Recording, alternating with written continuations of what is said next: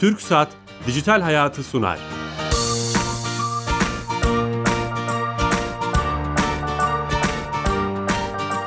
Herkese merhaba, ben Bilal Eren. Teknoloji, internet ve sosyal medyanın daha geniş anlamda dijitalleşmenin hayatımızda etkilerini konuştuğumuz Dijital Hayat TV programımıza hoş geldiniz. Ee, her cuma saat 15.30'da TRT Radyo, TRT Radyo 1 mikrofonunda sizlere konuk oluyoruz. 228. haftadayız ve çok değerli bir konuğumuz var. Ee, reklamcı Selim Tuncer hocamızla beraberiz. Selim hocam hoş geldiniz. Hoş bulduk, teşekkür ederim. Şeref verdiniz. Estağfurullah. Olun. kendisiyle beraber çok da jenerik güzel bir başlıkla aslında sosyalleşmeyi konuşacağız. Ama başlığımız Göbekli Tepe'den günümüze sosyal mecra olacak. Ee, acaba neler değişti? Sosyal medya ile beraber, dijitalleşme ile beraber e, e, sosyalleşme alışkanlıklarımızda değişiklikleri konuşacağız. Ama öncesinde hocam her hafta sponsorumuz TürkSat'a ba- bağlanıyoruz. Türkiye Devleti'nin tüm dijital işlerini, kurumların verdiği hizmetleri dijitalleştiren e, projemiz Türkiye Gov.tr'yi işleten kurumumuz. Oradaki e, Ayşe Torun hanımefendi ile bu haftanın servisini konuşacağız. Ayşe Hanım, Peki. Alo, ha, hoş geldiniz yayınımıza. e, merhabalar, nasılsınız? Teşekkürler, sizler nasılsınız? Biz de iyiyiz, çok teşekkür ediyoruz. Bu hafta hangi servisi özelliği bize anlatacaksınız? E, bugün size e, yeni bir servis e, anlatmayacağız aslına bakılırsa. E, bu hafta katılmış olduğunuz, katılmış olduğumuz özel bir organizasyon vardı, bir farkındalık çalışması vardı. E, bu konuda özellikle radyomuz aracılığıyla e, bu farkındalığa katkımız olsun diye biraz bu konudan bahsetmek Çok istiyorum seviniriz, buyurun. Ee, bizim bu hafta e, aile e, Çalışma ve Sosyal Hizmetler Bakanlığı ile yaptığımız e, Cumhurbaşkanlığı Dijital Dönüşüm Ofisi'nin himayelerinde yapılmış olan engellilerde ve yaşlılarda dijital dönüşüm isimli bir sempozyumumuz vardı. Ee, Ankara'da yaptık bu sempozyumu. Ee, Bakanlık himayesinde ve Cumhurbaşkanlığı himayesinde yapıldı. Ee, bu esnada e, engelli e, kullanıcılarımıza ve yaşlılarımıza e-devlet kapısını daha rahat nasıl ulaştırırız? Bunun yollarını araştırdık. Ee, biliyorsunuz e, daha önceden de bahsedilmişti. Engelli çağrı merkezimizden bahsettik. Doğru. Ee, işitme engelli vatandaşlarımıza verdiğimiz hizmetlerden bahsettik. E-Devlet kapısının özellikle görme engeli olan kullanıcılarımız için e, nasıl daha kolay çalışabileceğine ya da ulaşabileceğine dair çalışmalarımızdan bahsettik. Bu profildeki kullanıcılarımıza E-Devlet kapısını biraz sunduk ve tanıttık. Onlardan çok güzel geri bildirimler aldık. E-Devlet kapısının daha güzel kullanılabilmesi için öneriler topladık. Ee, bu konuda biraz sosyal farkındalığa ihtiyaç olduğunu düşünerek bugün biraz bu konudan bahsetmek istedik biz size. Ee, umuyoruz sizler aracılığınız aracılığıyla da e, kapının kullanımı, kullanımının yaygınlaşması ya da bu konuda eğer güzel öneriler varsa bu önerilerin e, bize bildirilmesi hususunda bir yol olur burası bugün. E, biraz o yüzden bundan bahsetmek is- istemiştim. Çok iyi yaptınız. Buradan da e, duyurmuş olalım. Engelli vatandaşlarımızın e, Türkiye Gov.tr ile ilgili geri bildirimlerini şiddetle bekliyorsunuz. Onu anlıyorum. Evet, evet ve e, artık e, Aile Bakanlığımız da bu konuda çok ciddi destek olduğu için bize e, özellikle SGK ve bakanlıklar bazında e, aslına bakılırsa E-Devlet kapısının kullanımı konusunda ya da hizmet almaları konusunda bize verecekleri her tür geri bildirimin bizim için önemli olduğunu ve bu konuda bizim geliştirmeye devam edeceğimizi belirtmek istiyoruz özellikle. Harika. Ee, bugün burayı da bir vesile olarak e, kılalım istedik aslına bakılır. Çok iyi yaptınız. Çok teşekkür ederiz. Ben teşekkür ediyorum. İyi yayınlar diliyorum. Sağ olun. Tüm ekibe selamlar. Teşekkürler. Sağ olun. Hoşçakalın. Güle güle. Evet TürkSat'a bağlandık. Aslında farkındalık açısından güzel bir güzel bir e, duyuru yapmış oldular. Yeni katılan dinleyicilerimiz vardır. E, Selim Tuncer hocamızla beraberiz. Göbekli Tepe'den günümüze sosyal mecrayı konuşacağız. Hocam çok ilginç bir araştırma okudum. İzninizle onunla başlamak istiyorum. Aslında herhalde bir sene olmuştur. Amerika'da bir e, dünyanın da tanıdığı, şimdi reklam olmasın bir araştırma şirketi 6500 tane gence, 12-17 yaş arasındaki gence sormuş. E, e, e, bu sosyalleşme ile ilgili ve şöyle ilginç sonuçlar çıkmış. Çok büyük bir araştırmaydı.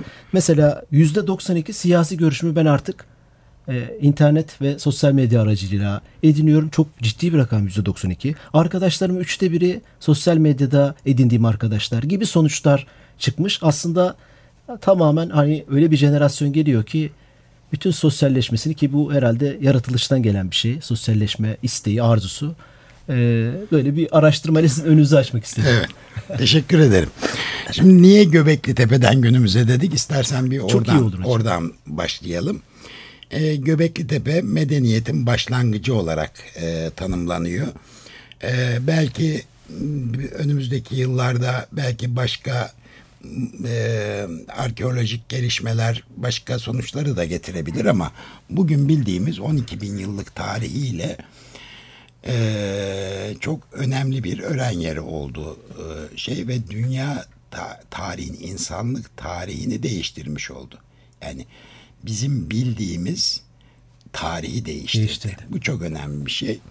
Bir mabet Göbekli Tepe ve düşünün o zamanlarda e, avcı toplayıcı insanlar ve bir mabette binlerce kişiden söz ediliyor Ee, ve oraya ibadete geliyorlar. Tartışmalı bir konu. İbadete veya eğlenmeye veya başka bir şey. Ama sonuçta orada insanlar toplanıyor, bir araya geliyorlar yani. Şimdi burada bir hiyerarşi var mıydı? Bu da tartışılıyor. Yani bu bin kişi idare eden biri ya da birileri rahipler falan var mıydı? Din adamları. Din adamları. Bu da tartışılan bir konu ama hiyerarşinin olduğu muhakkak hiyerarşi olmadan bir defa öyle görkemli mimari yapılar ortaya çıkmaz. Yani bir de meslekler var. Bundan onu anlıyoruz. Yani bu adamlar sadece avcı ve toplayıcı olsalar o mimari eseri ortaya koyamazlar yani. Birinin taşı e, biçimlendirmeyi biliyor olması lazım. Artı o taşların taşınabiliyor olması lazım. Bunların hepsi bir örgütlenme sonu. Örgüt dediğinde de hiyerarşi. Yani bunların bir başı var.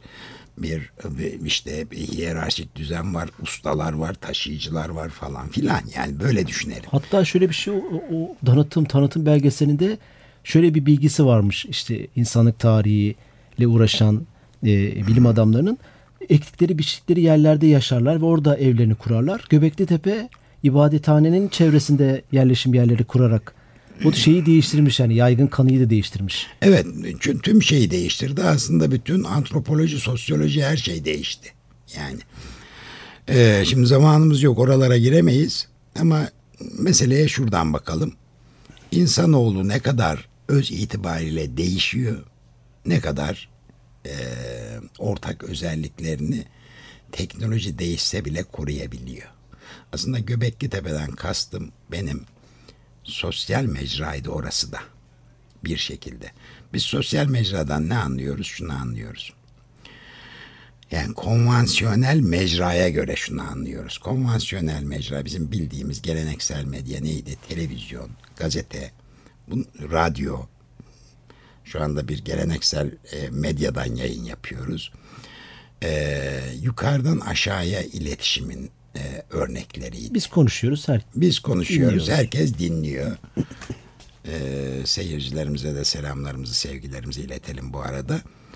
Ama etkili şimdi bir interaktif bir süreç değil bu. Şu anda seyircilerimiz bize katılamıyor. Gerçi biliyorsun hani radyo programları var seyirciye bağlanmak falan gibi ama ne kadar olabilir bu bir programda birkaç seyirciye bağlanabilirsiniz yani. Ee, genelde istek programlarında oluyor. Evet, müzik Senin programları. programının öyle bir özelliği de yok.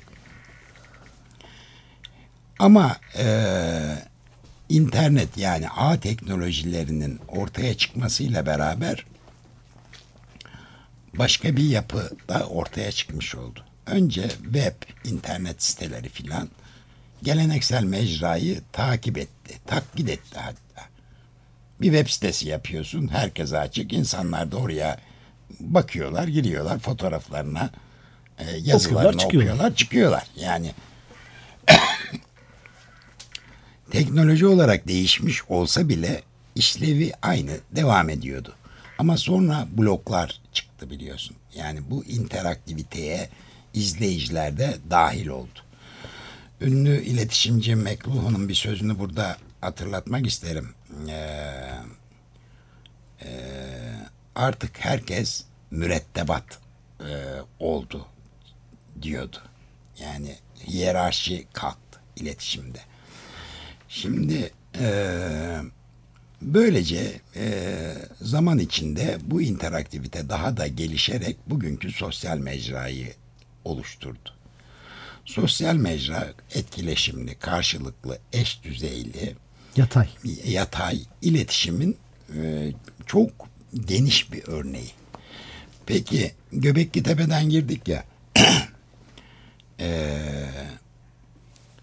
orada insanlar yüz yüze yine eş düzeyli iletişimin örneklerini veriyorlardı. Yani belki bir hiyerarşi vardı dedik ama hiyerarşi e, 24 saat devam etmiyor. Bir tören, bir iş sürecinde o hiyerarşi uygulanırken birdenbire hiyerarşik düzen, zincir kopuyor ve insanlar birbirleriyle etkileşime, iletişime giriyorlar. Bunların bugün örneklerini nerelerde görüyoruz? Tapınak, ibadethanelerde görüyoruz, camilerde öyledir. Yani bize imam efendi yukarılardan bir takım hem de çok yukarılardan bilgiler aktarır. Veya kilisede rahip de aynı şeyi yapar. Üniversitede profesör de kürsüsünde aynı şeyi yapar. Ama ders dili çaldığında öğrencilerin kendi aralarındaki iletişimi aslında bir işte sosyal mecra, etki, etkileşimli, eş düzeyli yatay iletişimin örnekleri yine.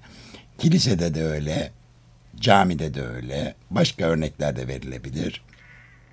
Ama hiç hiyerarşinin olmadığı alanlar da vardır. Nelerdir? Yine geleneksel mecralara bakalım. Kahvehaneler, e, köy odaları, e, hamamlar, pazar yerleri aynı şekilde. Buralarda Apartmanda da, toplanılan günler. E, buralarda hiyerarşi de yoktur artık. Peki bugünkü sosyal mecrayla o günkü sosyal mecra yani burada mecralar diyelim. O günkü sosyal mecralar arasında ne fark var? Çok önemli bir fark var. Tabii ki teknoloji. Yani köy kahvehanesini aslına bakarsam biz bütün küre yaptık.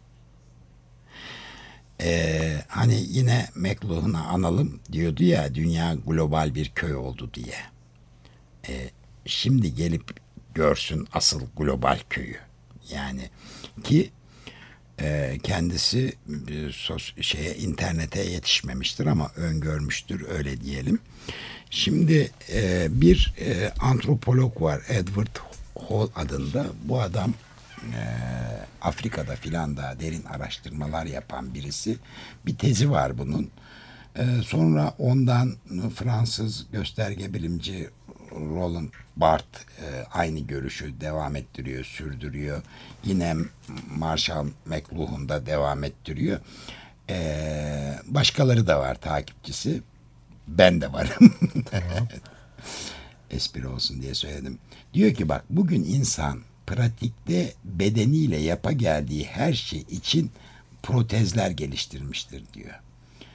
Yani silahların evrimi, dişler ve yumrukla başlar, atom bombasıyla sona erer. Dişler ve yumruklar bizim organik bedenimizin parçaları. Ama bunlara protezler ekleyerek gücünü, etkisini arttırıyoruz biz. Aynı şekilde giysiler ve evler, evler diyor insanın biyolojik ısı denetim mekanizmalarının protezleridir diyor onlarda. Derimiz bize yetmiyor. Üstüne vanila tişört, gömlek, ceket, kışları palto filan neyse. Mobilyalar çömelmenin ve yere oturmanın yerini alırlar diyor. Sesi hem zaman hem de uzaya taşıyan elektrikli araçlar, mercekler, televizyon, telefonlar ve kitaplar. Uzağa ileten. Evet. Maddi uzantıların yine örnekleridir diyor. Bunları da protez olarak isimlendiriyor. Parayı da para emeği yaymanın ve depolamanın bir yoludur diyor. Ee, bir zamanlar ayaklarımız ve sırtımızla yaptığımız şeyi artık ulaşım ve taşımacılık ağları yapıyor diyor. Önceden ne yapıyor? Yürüyorduk ondan sonra. Ne oldu? Atı evcilleştirdik. At üzerinde gitmeye başladık. At da aslında insanın yine ayaklarının protezidir. Ve bağlıyor. Aslına bakılırsa insan yapımı bütün maddi şeyleri insanın bir zamanlar bedeniyle ya da bedeninin ilgili parçasıyla yaptığı şeylerin protezi olarak bakmak mümkündür diyor. Vücudumuza eklemlediğimiz şeyler. Evet, aynı şekilde Barth da e, benzer bir şey söylüyor. Hatta Platon yazı yazıya bellek rolü yüklüyor Platon. Ha, milattan önce yani. Yine McLuhan'ı anıyoruz. Elektrik devresi diyor merkezi sinir sistemimizin bir uzantısıdır bizim. Tüm medya insanın psikik ya da fizik, fiziksel yetilerinin bir protezidir diyor o da. Şimdi ne oldu? Aslında insan değişmedi. Araçlar değişti ve bugünkü A teknoloji de A teknolojileri de fena halde bizim eee Zamana her göre protezlerimiz şeyimizin- mi değişiyor? Yani? Evet, Onu mu diyorsunuz? protezlerimiz değişiyor. Bunu sosyalleşmeyle konumuzla nasıl bir bağlantısını kur- kuracağız? Şimdi sosyalleşme kahvehanedeki sosyalleşme nedir?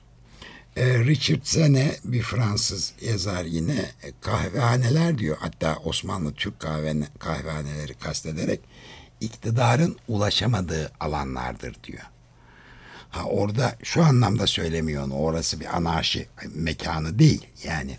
Ama hiyerarşinin yok olduğu, insanların birbiriyle etkileşim etkileşime geçtiği ve her insanın birer aktör olarak yer aldığı mekanlardır diyor kahvehaneler için. Şimdi Twitter kahvehanenin yerine geçmiş kahvehane değil, değil midir? Şimdi kahvehaneleri bir gö- göz- e, gözümüzün önüne getirelim. O zamanın kahvehanelerini en azından. Karagöz Hacivat, orta oyunları, e, halk ozanları gelip sazıyla, bağlamasıyla çalıyor, söylüyor. Efendim, Kanaat başka ne? önderleri gelip konuşma yapar. Kanaat önderleri gelip konuşma yapar. Ee, aynı şekilde halk hikayelerinin anlatıldığı yerdir. Yani Efsaneler. efsanelerin anlatıldığı yerlerdir. Şimdi e, Twitter veya YouTube diyelim daha yakın bir örnek. Orada da sazıyla sözüyle bizi eğlendiren insanlar var.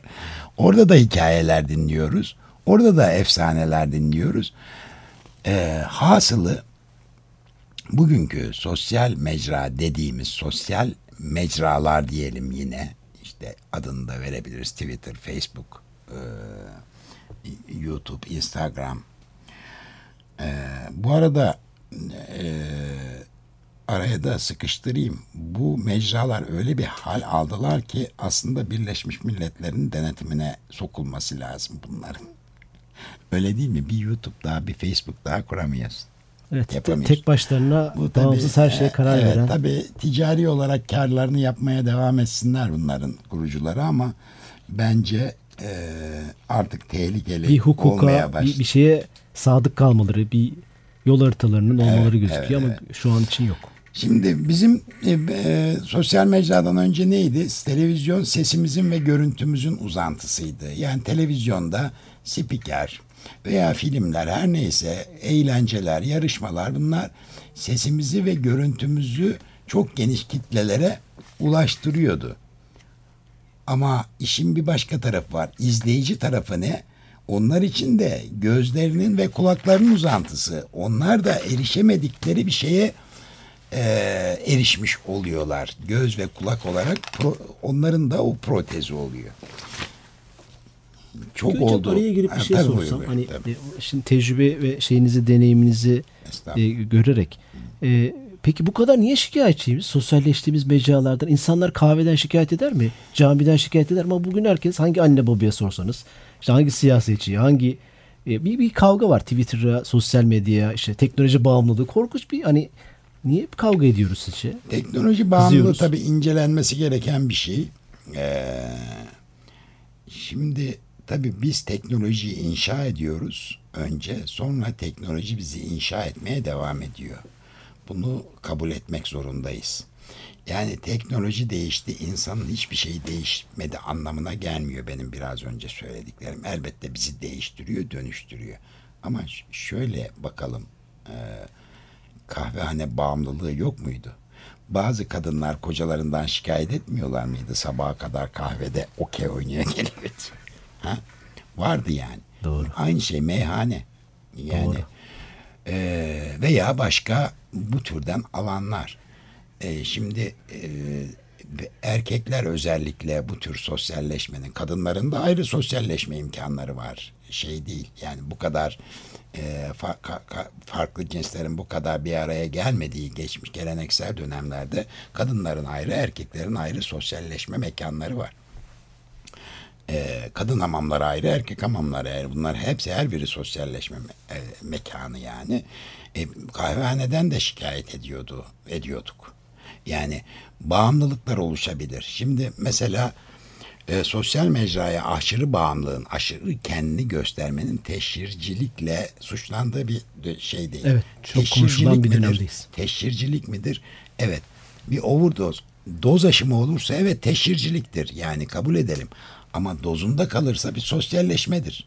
Yani kahvehanede yine yaptığımız gibi bir sosyalleşmedir yani. Doğru. Ama dozu aşarsan bu şey olur. O bakımdan bu teknolojileri suçlamak yerine elbette teknolojilerin getirdiği bir takım çok büyük avantajlar da var. Böyle buna benzer dezavantajlar da var maalesef. E bunlara da çözümler bulacağız, geliştireceğiz zaman içinde. Yani yapı- yapılacak olan şey e, bu yani. Şimdi internet ne yaptı? Bu geleneksel dünyanın yukarıdan aşağıya tek yönlü iletim, iletişim demiyoruz ona. İletim ortamının aksine çok yönlü, etkileşimli, demokratik ve eş düzeyli iletişim imkanı sağlıyor oldu. Şimdi biz tabi adına da sosyal medya dedik. Bu yeni bir e, te- terminoloji sonuç itibariyle. O nedenle de şunu bekliyoruz biz medyada yani geleneksel medyanın fonksiyonunu icra etmesini bekliyoruz. Böyle bir şey beklemeyin. Böyle bir şey yok. Kahvehaneden böyle bir şey bekliyor muyduk biz? Beklemiyorduk. Şimdi burada yalan, dolan, iftira her türlü şey olabilir. Bakın. Oluyor zaten. Oluyor da zaten. Kahvehanede olmuyor muydu? Oluyordu. Yani o bakımdan biz şimdi sosyal mec- mecradan, sosyal mecralardan eğer geleneksel medyanın profesyonel habercilik hizmetini bekliyorsak burada yanılıyoruz. Hep suçlayalım o zaman. Ama öyle değil. E peki ne olacak? E, bu arada sosyal mecra geleneksel medyayı da öldürüyor, zayıflatıyor filan. İşin bu tarafları var. Yarın televizyon devam edecek mi diye konuşuluyor mesela. Evet, bu programda da çok konuştuk. Evet konuşmuşsunuzdur. E, radyo devam edecek mi? Şimdi bir e, yani gelecekle ilgili şeyler konuşmak çok kolay değil ama bazı öngörüler olabilir. Şimdi mesela 10 sene önce belki de radyo öldü diyorduk. Ama baktık ki radyo bazı hayatın bazı alanlarında yaşamaya devam etti. Evet o ses önemli bir şey değil mi? Evet, devam etti. Araç kullanırken e, gözünüzü herhangi bir ekrana veremezsiniz ama kulağınızı radyoya verebilirsiniz mesela. Yarın televizyon, teknoloji değişecektir. Yani zaten çıktı şu anda da e, yeni e, ağ tekn- ağların içinde televizyon kanalları oluşmaya başladı ve devam ediyor. Yani teknoloji değişiyor ama şunu dikkate alalım. Televizyonun önemli bir şeyi vardı. Kürsüde profesör, minberde imam dedik ya. Yukarıdan aşağı iletişim. İnsanoğlunun buna da ihtiyacı var mı? O bakımdan televizyon Evet o hep kötüymüş gibi konuşuyoruz Evet. aslında ama ona da Hayır, ihtiyaç var. Ona da ihtiyaç var. Yani e, yukarıdan aşağı gelen bilgiye de ihtiyaç ihtiyacı var. İnsan buna ihtiyaç duyuyor. O bakımdan bakın dizilerin ortak ayin psikolojisiyle izlenmesinin nedeni bu. Yani saat 9'da başlıyor. Ne dizisi? Şu dizisi. Hadi ekran başına. Eğer o diziyi o saatte izlemezseniz bir e, insan ne kaçırdığınızın e, şeyi içinde olursunuz sürekli kumkuması içinde olursunuz. Baskısı. İkincisi evet ertesi gün ertesi gün konuşacaksınız Ay- Ayşe ablayla Fatma'yla filan yani bu diziyi tartışacaksınız yani işte orası yine sosyal mecra alanı oluyor. Şimdi mesela bazı internet e, dizi ve sinema platformlarında diziler yine saatli yayınlanıyor biliyorsun. Amerika'da da bugün e, şu saatte dizi. O zaman herkes- gireceğim diyor. Evet. 9'da gireceğim diyor. Evet. Dördüncü sezon. Evet. Evet.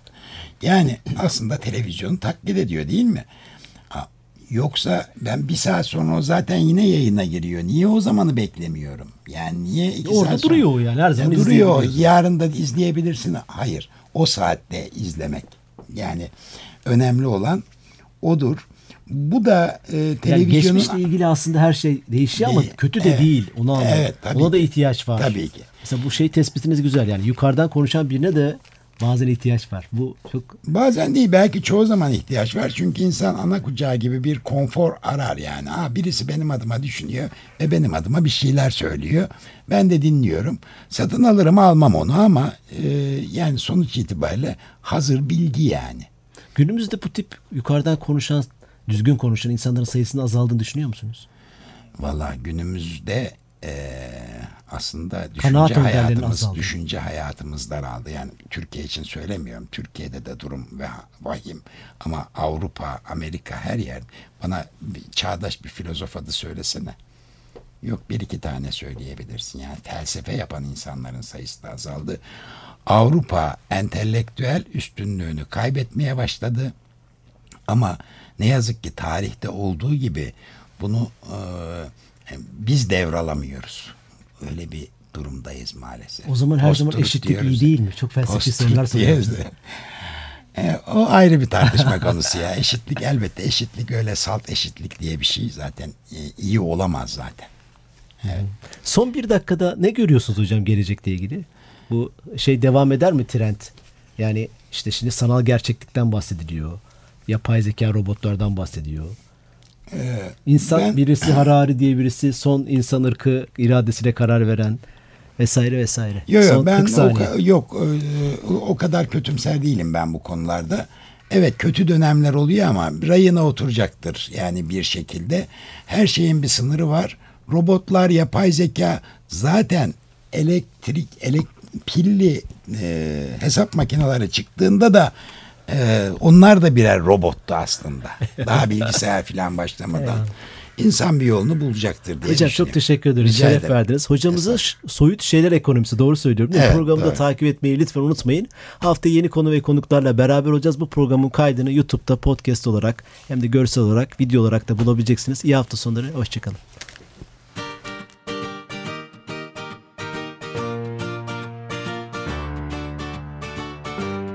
Türk Saat Dijital Hayatı sondu.